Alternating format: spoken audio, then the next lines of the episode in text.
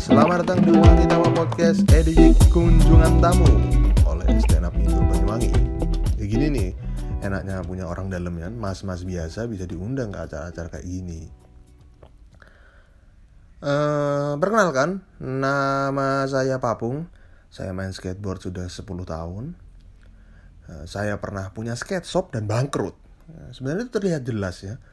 Karena sampai hari ini saya masih jadi pekerja kantoran kalau misalnya SketchUp saya sukses, sudah pasti saya sibuk dengan perputaran uang yang begitu besar di SketchUp saya yang memaksa saya harus resign dari kantor. Saya mau cerita-cerita aja tentang gimana saya pertama kali main skateboard. Jadi pada tahun 2010, 2011, itu kan saya merantau kan dari Banyuwangi ke Malang untuk sekolah SMA gitu. Hmm. di tengah-tengah ada liburan semester saya pulang ke Banyuwangi. Dan saya tuh ketemu sama teman-teman SMP di Car Free Day. Jadi di situ ada teman saya laki-laki dia itu bawa bawa skateboard gitu. Cuman waktu itu saya ndak kepingin gitu tidak ada ketertarikan untuk main skateboard. Sampai ada teman saya perempuan dia itu tanya gini ke saya Pung kamu bisa nggak main skateboard? Enggak. Kamu itu jauh-jauh sekolah di jauh-jauh sekolah di Malang masa main skateboard aja nggak bisa? Jujur itu tuh bikin saya jadi kepikiran ya kan? Karena ada rasa ego laki-laki yang tergores gara-gara omongan teman saya gitu perempuan. Ya dan mungkin ya karena teman perempuan saya ini ya cantik juga. Kalau jelek sih saya nggak mau dengerin apa sih kamu gitu mungkin ya nggak tahu lagi saya. Enggak akhirnya saya ke Malang lagi melanjutkan sekolah. Dan saya tuh mikir gimana ya saya ini caranya untuk mengawali bermain skateboard gitu Hingga suatu sore teman kosan saya, dia ini dari Nganjuk ya, sama-sama merantau kita berdua, masuk ke kamar saya dan tiba-tiba bilang, Pung, kamu nggak pingin main skateboard? Ayo main skateboard bareng. Dalam hati saya kok, loh kok sama teman saya ini? Apa dia habis CFD juga sama teman SMP-nya di Nganjuk ya kan?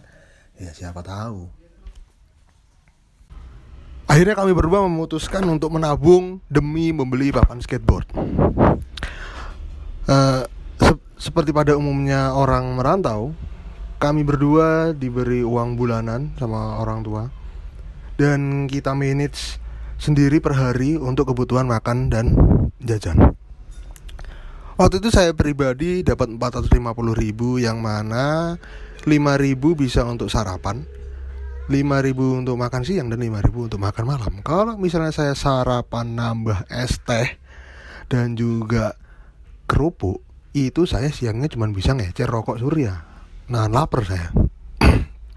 dan dengan uang bulanan yang sebesar biaya nyicil Mio itu dalam kurun waktu cukup lama sampai akhirnya saya bisa beli papan skateboard sendiri.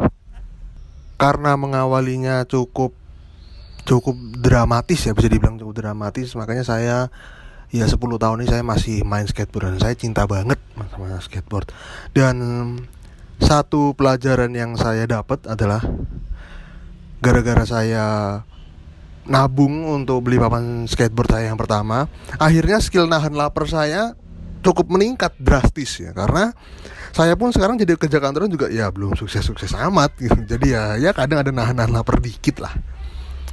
Uh, ya itu saja sih dari saya dan terima kasih buat Stand Up Banyuwangi. Hmm, sampai jumpa di episode episode berikutnya dengan tamu-tamu berikutnya.